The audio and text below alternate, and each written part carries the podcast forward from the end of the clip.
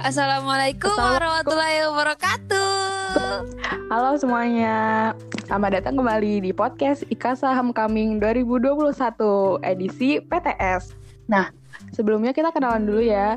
Uh, aku Amanda Aulia Jovan Kabela, pas di Asipasi biasanya dipanggil Jobel dan Alhamdulillah sekarang aku kuliah di jurusan Ilmu Komunikasi di Universitas Islam Indonesia. Nah, sama kayak di episode-episode sebelumnya nih, aku di sini bareng satu teman aku. Coba dong kenalan dulu dong Dil biar yang denger tuh pada kenal gitu. Oh iya, kenalin nama aku Fadila Rizky Ramadhani, biasa dipanggil Dila. Uh, aku sekarang kuliah di Telkom University jurusan uh, Digital Public Relation. Oke, mantep banget nih. Nah, oh iya, uh, walaupun di episode ini tuh tentang PTS atau perguruan tinggi swasta, mm-hmm. tapi tuh di kita bukan mau ngomongin PTS-nya kan, Dil. Iya, bener banget. Ya. Justru kita tuh di sini kayak mau sharing-sharing dan cerita-cerita aja kayak tentang gimana sih ceritanya kok akhirnya kita tuh milih kuliah di perguruan tinggi swasta ketika iya. ratusan ribu orang di luar sana tuh mengajar PTN gitu loh. Iya, bener banget. Apakah PTS ini tuh emang pilihan kita dari awal dan apa aja sih yang udah kita lewatin sampai akhirnya kita tuh kuliah di kampus kita yang sekarang. Oke, kita langsung mulai aja nih. Yang pertama, coba ceritain dong Dil, kenapa akhirnya kamu milih masuk di Telkom University? Sempat ikut SNM, SBM gitu-gitu nggak? Sempet. Aku ya alhamdulillah keterima sih waktu itu uh, maksudnya masuk ke 40% yang SNMPTN itu. Mm -hmm. Cuman waktu itu aku daftarnya kan waktu itu Humas Unpad. Nah, terus eh, nggak uh, lolos tuh. Nah, oh. terus aku tapi aku emang sebenarnya dari awal tuh nggak terlalu ini sih Bel, nggak terlalu apa ya? berharap terlalu gitu. mengharuskan mengharuskan Atau diri apa? aku harus di PTN gitu loh. Oh. Uh, aku ikutan UTBK juga sih. Cuman oh, kayak ikut UTBK juga berarti. Iya, emang belajarnya aja emang kurang maksimal gitu. Jadi nggak keterima juga dan ya udah waktu keterima di Telkom nggak nggak nyoba mandiri jadi ya udah ambil aja di Telkom gitu. Kalau kamu sendiri gimana Bel? Uh, coba dong ceritain awalnya gimana sih akhirnya kamu jadi di perguruan tinggi swasta. Jadi ceritanya ini mulai dari SNM ya. Aku tuh mm emang daftarnya cuman di satu PTN aja yaitu Universitas Gajah Mada. Kenapa? Karena banyak banget pertimbangan dan banyak alasan tapi alasan terkuatnya adalah aku nggak dibolehin untuk kuliah di luar Jogja ya kalau ditanya uh, emang kenapa nggak mau ke Unpad gitu misalkan pas waktu daftar SNM ya emang yang yeah. disaranin banget tuh pasti Unpad ya kayak mm -mm. Ashifa emang banyaknya yang masuknya ke sana gitu. Iya iya benar. Hanya mau atau nggak mau ya jelas mau lah pasti. Iya sebenarnya ya. mau ya cuman iya, karena balik itu. lagi ke pertimbangan yang tadi. Mm. Dan akhirnya SNM ya aku udah bilang berkali-kali kayak e, kalau SNM-nya aku milih UGM tuh kemungkinannya kecil banget loh. Iya iya benar. Ya, tapi kayak orang tua aku ya udah nggak apa-apa kayak gitu siapa tahu ntar dapat kayak selalu kayak gitu kayak ya udah deh gitu terus akhirnya ya udah uh, dengan keberanian yang sangat besar ya aku SNM-nya nembak di Ilkom UGM ilmu komunikasi UGM dan aku emang dari awal milihnya ilmu komunikasi semua karena ya udah emang pengennya di situ pengen ya, ya. di situ kan iya mm-hmm. akhirnya ya udah tuh eh, nggak uh, keterima padahal mm. ya kalau ditanya berharap sebenarnya ya aku juga berharap banget buat keterima. Tapi dengan dan tapi aku juga kayak tahu kalau itu tuh sebenarnya itu nggak realistis tapi aku tetap berharap. Berharap iya. Wajar sih emang. Kayak, aku juga sebenarnya nggak realistis sih. Sebenarnya aku tuh harusnya nggak masuk loh Bel. Nggak masuk kuota SNMPTN kan? kayak tiba-tiba ada perubahan gitu ya? Perubahan iya. pemerintahan. Uh -uh, bener. Nah, iya terus di situ tuh juga itu termasuk salah satu kesalahan aku karena terlalu berharap pada SNM padahal kita tuh juga tahu ya SNM tuh emang bener-bener nggak jelas itu. Iya bener oh, banget. Serandom itu banget. Iya, bener. Kayak nggak bisa ditebak tapi anehnya aku tetap berharap banget bisa keterima SNM gitu loh. Dan ya yeah, akhirnya pas waktu aku nggak keterima aku sedihnya sedih banget banget. Sama sih aku juga Bel. Ya kan? Banget itu kayak bener-bener padahal sebenarnya gitu. padahal sebenarnya aku udah tahu kalau ya kayaknya ini mah nggak bakal. Soalnya aku juga ada di atas aku yang uh, apa peringkatnya di atas aku dan terusannya sama. Mm-hmm. aku tuh udah yakin ah ini mah aku nggak mungkin soalnya aku aja paling terakhir gitu. tapi tetap aja berharap gitu. Iya tapi tetap aja berharap. Dan ya ini pelajarannya buat adik-adik semua yang dengerin please aku mohon jangan seberharap itu sama SNM nah terus abis SNM ini waktu hmm. itu aku searching-searching. Jadi kayak emang pasti rata-rata setiap univ tuh mereka punya jalur prestasi sendiri kan. Nah waktu itu aku tuh iseng searching kalau UGM namanya apa sih gitu. Terus oh ternyata namanya PBU terus dia tuh ada tiga kategori. Terus akhirnya aku daftar tuh yang PBU yang iya uh, daftarnya tuh sama aja kayak SNM pakainya rapot sama sertifikat cuman mm-hmm. sebenarnya di situ tuh di keterangannya eh di persyaratannya tuh udah dijelasin kayak sertifikat minimal tingkat nasional kalau nggak salah ya tapi ya mm-hmm. kayak aku nggak punya sebenarnya kalau sertifikat tingkat nasional mm-hmm. terus tapi ya udahlah gasin aja gitu kayak siapa tahu kan mm-hmm. ya tapi ternyata emang enggak gitu kan mm-hmm. tapi waktu itu aku kayak nggak nangis karena nggak tahu kenapa ya. Kayak ya udah gitu.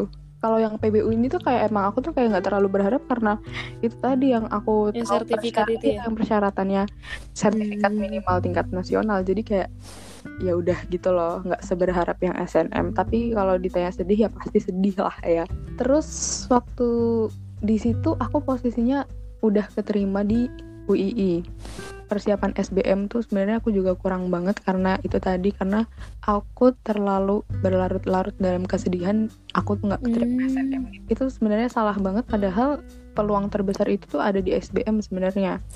Iya tapi jadi kayak udah nggak semangat gitu ya, sih iya, karena kayak, kayak ah udahlah gitu loh. Apalagi iya iya benar kondisi pandemi kan. Banyak banget deh cobaan dan ujian waktu mau belajar SBM tuh jadinya mm. ya udah aku setengah-setengah banget belajarnya. Ya udah deh sebenarnya dari situ aku juga udah agak-agak feeling keterima nggak ya gitu loh. Tapi kalau ke SBM di situ Aduh. aku nggak langsung nangis tapi kayak ngeliat HP terus oh nggak keterima gitu. Terus ya udah aku aku screenshot aku kabarin ke mama aku langsung. Terus ya udah aku nangis sampai malam sampai besok. Ya Allah tapi nggak terpuruk banget pasti soalnya kamu emang berharap banget sih Bel emang. Nggak nggak terus terusan sih emang sebenarnya kayak diem dikit nangis diem dikit nangis. Hmm. kayak ini bener-bener sedih. Apa ya kalau menurut aku tuh nggak keterima SBM tuh lebih sedih daripada SNM karena SBM tuh semua teman-teman kita tuh ikut gitu loh. Kan kalau SNM cuman yang masuk kota aja kan? Iya iya, iya sih bener. Nah kalau SBM tuh kayak bener-bener semuanya gitu. H plus satu SBMPTN tuh hampir sehari-hari. Setiap kegiatan aku tuh di rumah diiringi jadi tangisan. jadi males gitu. jadi sedih iya. Ya, terus ya hmm. ini tinggal nunggu pengumuman pengumuman mandiri. Mandiri ya nah kalau nggak salah tuh waktu itu H plus 7 H plus 7 pengumuman SBM baru pengumuman mandiri. Singkat cerita aku nggak menjadi mahasiswa di Universitas Gajah Mada. Dan terus pas besok paginya kayak berasa kayak bener-bener kayak mimpi eh ini seriusan? Aku nggak mencapai mimpi aku buat menjadi mahasiswa ilmu komunikasi Universitas Gajah Mada tahun 2020 gitu. Ya ya udah. Kayaknya kamu beda banget deh Bel sama aku. Aku tuh bener-bener kayak justru karena aku udah keterima Telkom, jadi aku ah ya udahlah. Santai-santai gitu ya. iya aku jadi males jadi aduh ya gitu loh kayak di tengah-tengah berjuang buat belajar UTBK tuh aku juga mikir kayak gini kayak ah udah aku capek aku aku capek belajar kayak nggak ngerti pusing. Udahlah aku udah keterima di UI ini tapi enggak aku mau GM iya. ngerti gak sih? Kayak aku GM tapi aku capek belajar. Aneh banget emang ya udah kayak gitu lah pokoknya? Aku mau nanya Bel. Gimana jadi gimana? uh, kan orang-orang tuh pada suka kamu tahu gak sih uh, biasanya tuh banyak orang-orang yang bilang kayak kalau masuk perguruan tinggi swasta tuh uh, itu mah cuma butuh duit doang. Oh. Itu mah cuma banyak banyakan duit itu aja. kayak sebuah statement yang nggak asing kita dengar. iya itu mah nggak asing banget. Nah itu tuh menurut kamu tuh gimana sih Bel uh, kalau aku pribadi sih nggak setuju karena ya kalau soal duit mah yang mau masuk kuliah pasti butuh duit nggak sih? Iya benar banget sih. Aku juga nggak setuju sih sebenarnya. Mah gitu kayak terlalu underestimate sama PTS gitu. Iya bener Ya. Padahal mau masuk PTN juga, mau masuk PTLN, PT butuh PT apa, PT apa, iya, iya, butuh duit. Nah, kalau emang pas kuliah dapat beasiswa full ya itu beda kasus ya. Apalagi yang apalagi yang bilang masuk PTS mah gampang asal ada duit aja. Ya aku nggak setuju mm -mm. banget karena ini jangan jangan salah ya karena ada loh orang yang dia tuh sampai ikut bimbel di Inten ya udah kalian siapa sih yang nggak tahu Inten tapi dia itu ikut bimbel di situ bukan mau ngejar PTN justru dia itu ikut bimbel di Inten karena dia mau ngejar beasiswa full di PTS Iya, wow. kalau nggak salah UPH deh, Universitas apa sih Pelita Harapan ya? Mm-hmm. itu. Terus sama orang tuh kadang suka mikir yang daftar PTS tuh pasti keterima gitu loh. Padahal ya enggak Padahal juga. Enggak, iya, gitu. enggak juga. Namanya seleksi penerimaan ya diseleksi, nggak mungkin. Iya, benar-benar. Diterima karena pasti setiap univ tuh punya kuotanya masing-masing dan diseleksi kira-kira calon mahasiswa mana yang emang dia tuh memenuhi persyaratan dan kriteria buat uh, masuk di universitas itu kan Iya iya benar banget sih. Menurut aku kayak mungkin orang yang berpikir bahwa setiap orang yang daftar PTS itu keterima mungkin karena emang dia melihat lingkungan sekitarnya yang teman-temannya dia mungkin yang daftar PTS tuh keterima gitu. Ya walaupun iya mungkin ya. Mm -mm. Nah, padahal dan yang daftar PTS juga mungkin di lingkungan dia sedikit dan mm-hmm. semuanya keterima mungkin. Jadi nah. dia ngerasanya kayak oh ini semua yang keterima eh, semua yang daftar PTS keterima nih nah, gitu. Iya. Kayaknya dia mungkin kayak gitu kalau ya. Padahal lihat dan bahkan dari beberapa teman kita aja ada kan yang dia daftar PTS juga nggak tapi nggak keterima iya bener bener nah makanya jadi ya aku nggak setuju banget sih sama statement ini iya, iya sebenarnya soalnya pasti semuanya butuh duit lah. Ya kan mau PTS PTN juga. Terus aku mau nanya kamu setuju nggak sih deal sama statement yang orang-orang tuh sering bilang juga ini? Kuliah mana aja itu sama kok yang penting kitanya aja gitu. Sering kan denger kayak gitu? Sering sering sih. Tapi aku aku setuju. Mana? aku kalau aku sih setuju ya. Aku Kenapa? setuju banget soal kuliah di mana aja itu sama. Yang penting kan gimana orangnya. Nah iya jadi menurut aku kita tuh nggak usah ngebeda-bedain. Kayak uh, eh, PTN tuh lebih bagus daripada PTS atau apa-apa mm. ya sebenarnya itu mah tergantung kitanya. Lagi dari kitanya juga kan. Kitanya kalau misalnya kita bersungguh-sungguh belajar kayak kita bener-bener fokus punya tekad buat sukses itu kan kita mau ditempatin di mana aja insya Allah kita bisa dengan tekad kita yang kuat buat jadi orang sukses iya buat iya sih benar. iya, gitu kan kayak istilahnya jadi, uh, emas di mana pun akan tetap jadi emas kan. Nah bener banget. Ya jadi kayak kita mau ditempatin di mana aja yang penting kita uh, punya niat yang baik dan bersungguh-sungguh buat menjalankan itu dan kita punya tekad juga yang kuat itu bisa sih pasti. Pasti yes. Iya kita bakal terwujud gak sih Iya benar. Iya ya, dulu kan? dulu aku juga setuju sama statement itu dulu. Tapi sekarang enggak. Kenapa? mungkin ini nggak tahu mungkin terdengar ini apakah ini termasuk unpopular opinion atau enggak. Hmm, kenapa? Dulu aku tuh juga setuju sama aku juga mikirnya kayak gitu. Tapi setelah beberapa waktu yang lalu aku tuh mm -hmm. sempat baca tweetnya orang terus aku jadi mikir lagi gitu dan setelah aku menjalani kuliah selama satu semester ini dan aku beneran berpikir oh ternyata beda loh gitu. Kayak ini gini deh beda gimana? di mana aja itu sama tapi dengan hmm. konteksnya menuntut ilmu maksudnya kuliah di mana aja itu sama yang apa maksudnya sama-sama menuntut ilmu gitu. Hmm. ya kalau itu ya oke okay lah ya emang bener kan. Hmm. Tapi kalau aku pribadi sih merasa kuliah di mana aja itu nggak sama itu beda. Kenapa?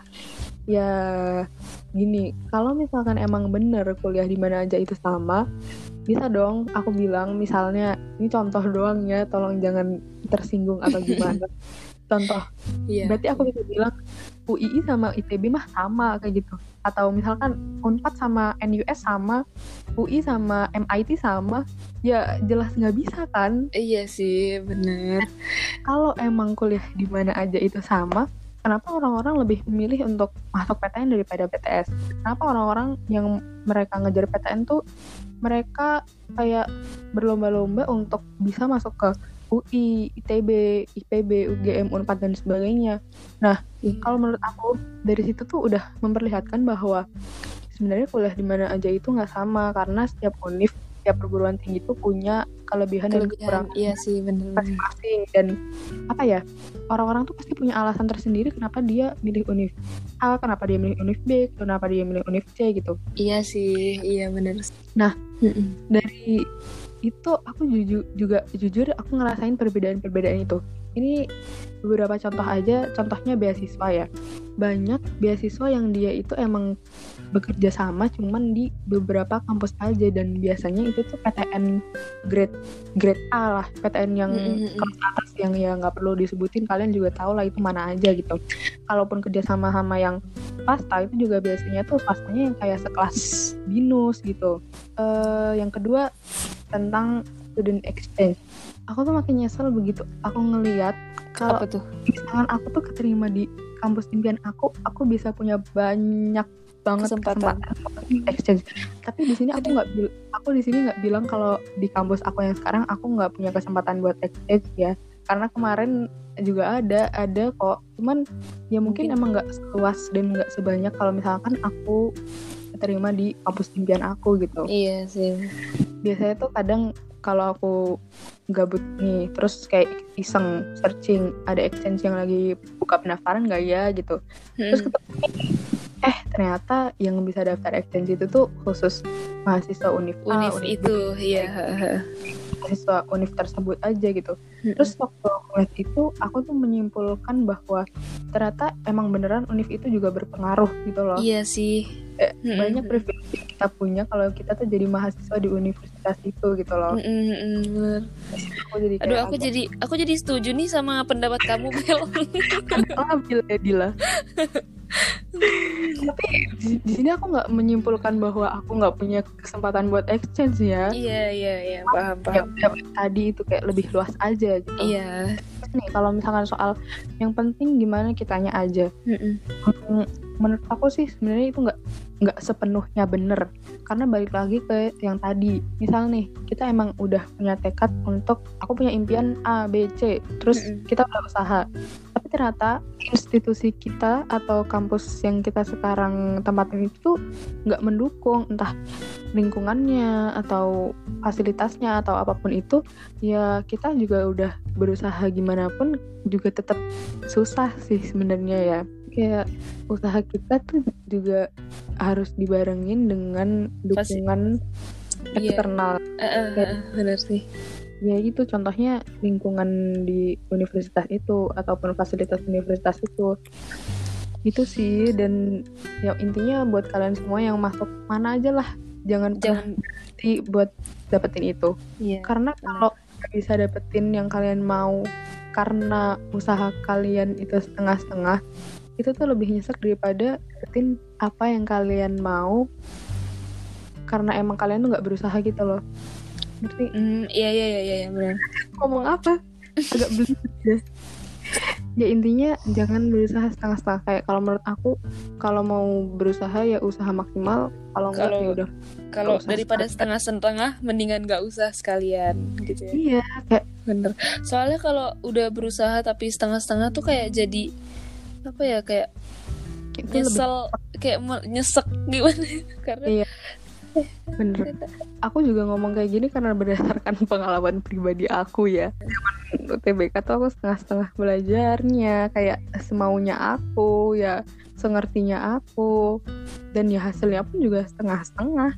Dan Beneran? justru itu kan yang bikin kita jadi nyesel banget. Kayak kenapa waktu itu aku nggak aku nggak maksimal gitu ya? Ya banget gitu. Hmm karena uh, kalau misalkan waktu itu aku nggak keterima SBMPTN dan skor aku tuh emang masih jauh dari rata-rata minimal hmm. buat di jurusan dan kampus impian aku ya ya udah aku masih nggak apa-apa. Tapi ini tuh ya bedanya tuh tipis gitu loh Dil.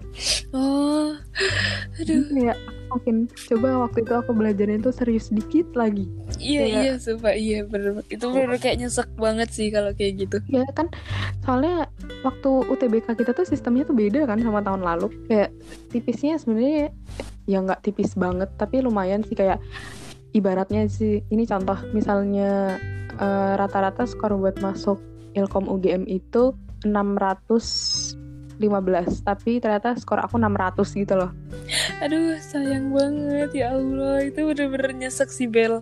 Itu bener-bener dikit sih itu ya. itu contoh doang ya tapi sebenarnya nggak nggak segitu.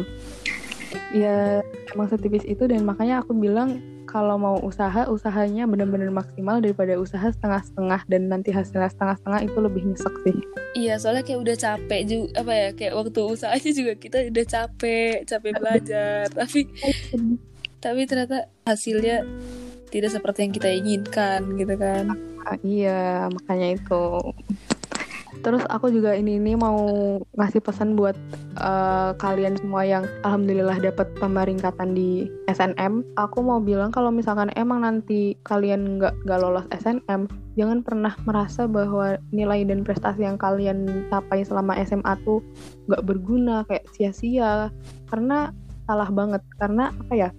Nilai dan prestasi kalian itu bakal berguna banget buat ngisi di CV kalian nanti. Karena di kuliah tuh CV tuh penting banget. Kayak kalian mau daftar organisasi itu pasti dimintain CV kalian mau hmm. daftar pasti diminta bikin CV dan kalau misalkan kalian punya bekal nilai dan prestasi yang udah kalian dapetin di SMA itu tuh bakal lumayan banget gitu loh. Seenggaknya kayak Kalian nggak kosong-kosong amat dan masih bisa pede aja buat apply organisasi buat apply beasiswa dan sebagainya gitu mm-hmm. dan, dan uh, kalau misalnya emang belum rezekinya juga keterima SNMPTN nanti uh, saran aku sih jangan terlalu ini ya berlarut-larut dalam kesedihan soalnya uh, apa ya kayak waktu buat berlarut-larut itu tuh kita bisa gunain banget buat belajar buat ngejar buat uh, materi SBM, PTN gitu. itu lebih berguna daripada kita berlarut-larut dalam kesedihan terus gitu. Sedih nggak apa-apa, dua menit Tapi lah. jangan lama-lama, dua menit ya, dua menit banget. Oh ya, uh, emang pasti terakhir terakhir Pasti, banget sobat terakhir uh, banget. Aku apa bel? Apa bel? Ini benar terakhir. Ya allah please kalian dengerin ini. Aku pernah aku pernah baca ini. Uh, kenapa kita selalu berdoa agar dihindarkan dari rasa takut dan kegagalan padahal kita bisa berdoa agar dikokohkan lebih dari rasa takut dan kegagalan itu sendiri? Ngerti nggak sih maksudnya?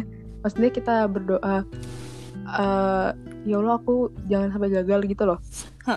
Kita bisa berdoa biar kita tuh dikuatin, lebih dari rasa takut dan kegagalan itu. Jadi kalau misalkan uh, terburuknya adalah kita gagal ya kita tuh lebih kuat daripada kegagalan itu dan kita bisa buat bangkit lagi buat bangun lagi dan nggak oh, iya, iya benar kegagalan itu gitu. jadi nanti doanya ditambah gitu ya Bel ya mm -mm. ya Allah semoga aku nggak gagal dan jika aku gagal kuatkanlah gitu ya iya kayak eh, uh. minta buat dikuatin dan diikhlasin gitu bener-bener menerima apa yang kita dapetin Oke deh, makasih banget buat kalian semua yang udah dengerin.